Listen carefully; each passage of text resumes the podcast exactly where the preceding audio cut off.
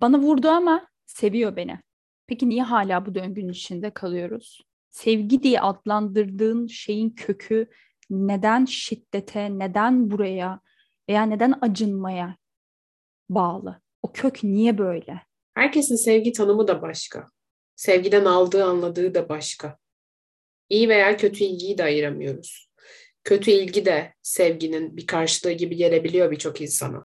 Peki niye hala bu döngünün içinde kalıyoruz? O sevgi sana iyi geliyor. Varlığını bilmek bile iyi geliyor belki sadece. Ve bu tanımı değiştirmediğin müddetçe de senin için sevginin anlamı değişmediği müddetçe hep bu örüntülerin içine gireceksin. Hep böyle kişilerle karşılaşacaksın. Belki sen de kendine o kadar şefkatli davranmıyorsun. Belki sen de kendine bu kadar şiddetlisin. Yaptığın her başarısızlıkta, içinde bulunduğun her durumda kendini aşağılıyor, beceriksiz olduğunu hatırlatıyor, başarısız olduğunu hatırlatıyorsun. Her kim olursan ol, hangi yaşantının içinde, hangi hikayenin içinde olursan ol. Eğer şu an bunu dinliyorsan zaten değişimi arzuluyorsundur.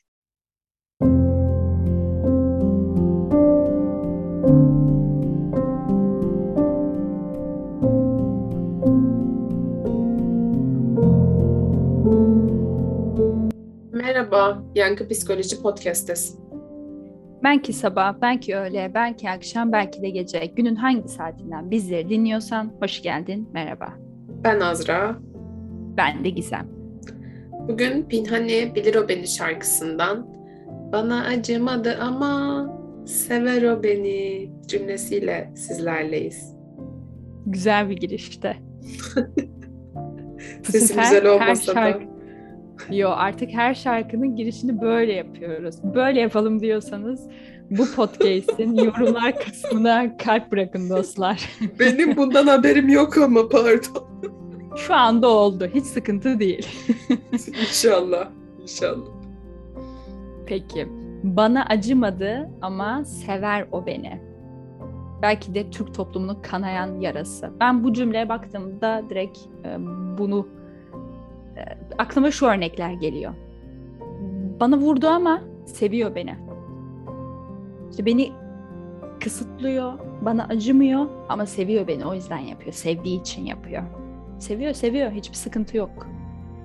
Olur mu öyle şey ya? Çok seviyor beni. Evet belki konumu cimciklemiş olabilir. Evet belki vurmuş olabilir. Evet belki saçımı yolmuş olabilir ama seviyor beni. Direkt romantik ilişkiler geldi yani aklına. Sadece romantik ilişki de değil bence bu öğreti bir noktada da aileden de gelmiyor mu? Mesela kendi ailemden örnek vereceğim. Benim küçük bir kardeşim var. Hatırlıyorum böyle onun çok küçüklük zamanlarını. Ben de o zamanlar ergenlik dönemimdeyim. Şimdi aşırı bir kıskançlık var. Nasıl olur yani ben evin son çocuğuydum. Biri daha geliyor olur mu öyle şey ve böyle ona huysuzluklar falan yapıyordum. E, küçük kardeşim de ağlayıp babamın yanına gidiyordu. Diyordu ki ya baba Gizem beni dövüyor. Babamın söylediği şey şuydu. Dövmüyor, sevdiği için yapıyor seni. Seviyor, seviyor aslında. Hani baktığınızda da yani sevgi anlayışımız acımamazlıktan, acıdan, sevgisizlikten de geliyor. Çok garip bir yerde. Günün sonunda karşı taraf sana ne yaparsa yapsın, gerekirse hatta gözle görülebilir bir şey de yapabilir fiziksel şiddet olarak. İşte tokat atabilir, saçını yolabilir, itip kakabilir. Ama günün sonunda şunu söylüyor bunu yaşayan insanlarda. Seviyor beni. Sevgi gerçekten böyle bir şey mi? Ya da biz neden karşı tarafın bize acımasını bekliyoruz ki? Niye bir insan bize acısın? Şunu yankılıyor bende yani bana acımadı ama sever o beni. Ben o kadar acizim ki ben o kadar kendini koruyamayan bir insanım ki ben o kadar yaşamının iplerini bir başkasının eline vermiş bir insanım ki ben bana acımasını bekliyorum bana iyi davranması için. Her zaman elimizde olmayabiliyor. Yani bazen öyle bir anda çat kapı geliyor ki o davranış, o tepki, belki o söz, belki o fiziksel hareket yani e, kendimizi koruyamayabiliyoruz. Ama evet bekliyoruz bir noktada da. Acınmayı da bekliyoruz. hayatımızın her anında kendimizi savunabilecek durumda olmuyoruz. Yani bu bir meslekle alakalı değil, cinsiyetimizle alakalı değil, toplumdaki saygınlığımızla da alakalı değil. Herkesin başına her an her şey gelebiliyor. Ama burada önemli olan şey bence şu. Günün sonunda sen bir insanın sana böyle davranmasına müsaade mi ediyorsun gerçekten? Evet bir, bir şey yaşamış olabilirsin ama niye sana birinin acımasını bekliyorsun ki? Sevgi diye adlandırdığın şeyin kökü neden şiddete, neden buraya veya neden acınmaya bağlı? O kök niye böyle? Belki bu buraları biraz düşünüyor olmak önemli. Nereden geliyor acaba? Tanıdık geliyor mu? Mesela ben anlatırken, söze girerken bir baktım ki pat böyle bir anı geldi ve bu anıyı paylaşmak istedim. Belki senin de böyle köklü bir anın var. Acınmayı beklediğin, karşı tarafın anlamasını istediğin, anlatmak istemediğin belki. Ve günün sonunda kendini hala seni sevdiğine inandırdığın. Herkesin sevgi tanımı da başka. Sevgiden aldığı, anladığı da başka. İyi veya kötü ilgiyi de ayıramıyoruz. Kötü ilgi de sevginin bir karşılığı gibi gelebiliyor birçok insana. Peki niye hala bu döngünün içinde kalıyoruz? Şimdi bu o kadar genel bir soru ki herkesin hikayesine, herkesin yaşantısına, herkesin duygusuna göre değişir.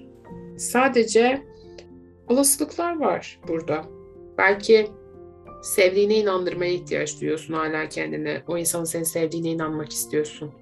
O sevgi sana iyi geliyor. Varlığını bilmek bile iyi geliyor belki sadece.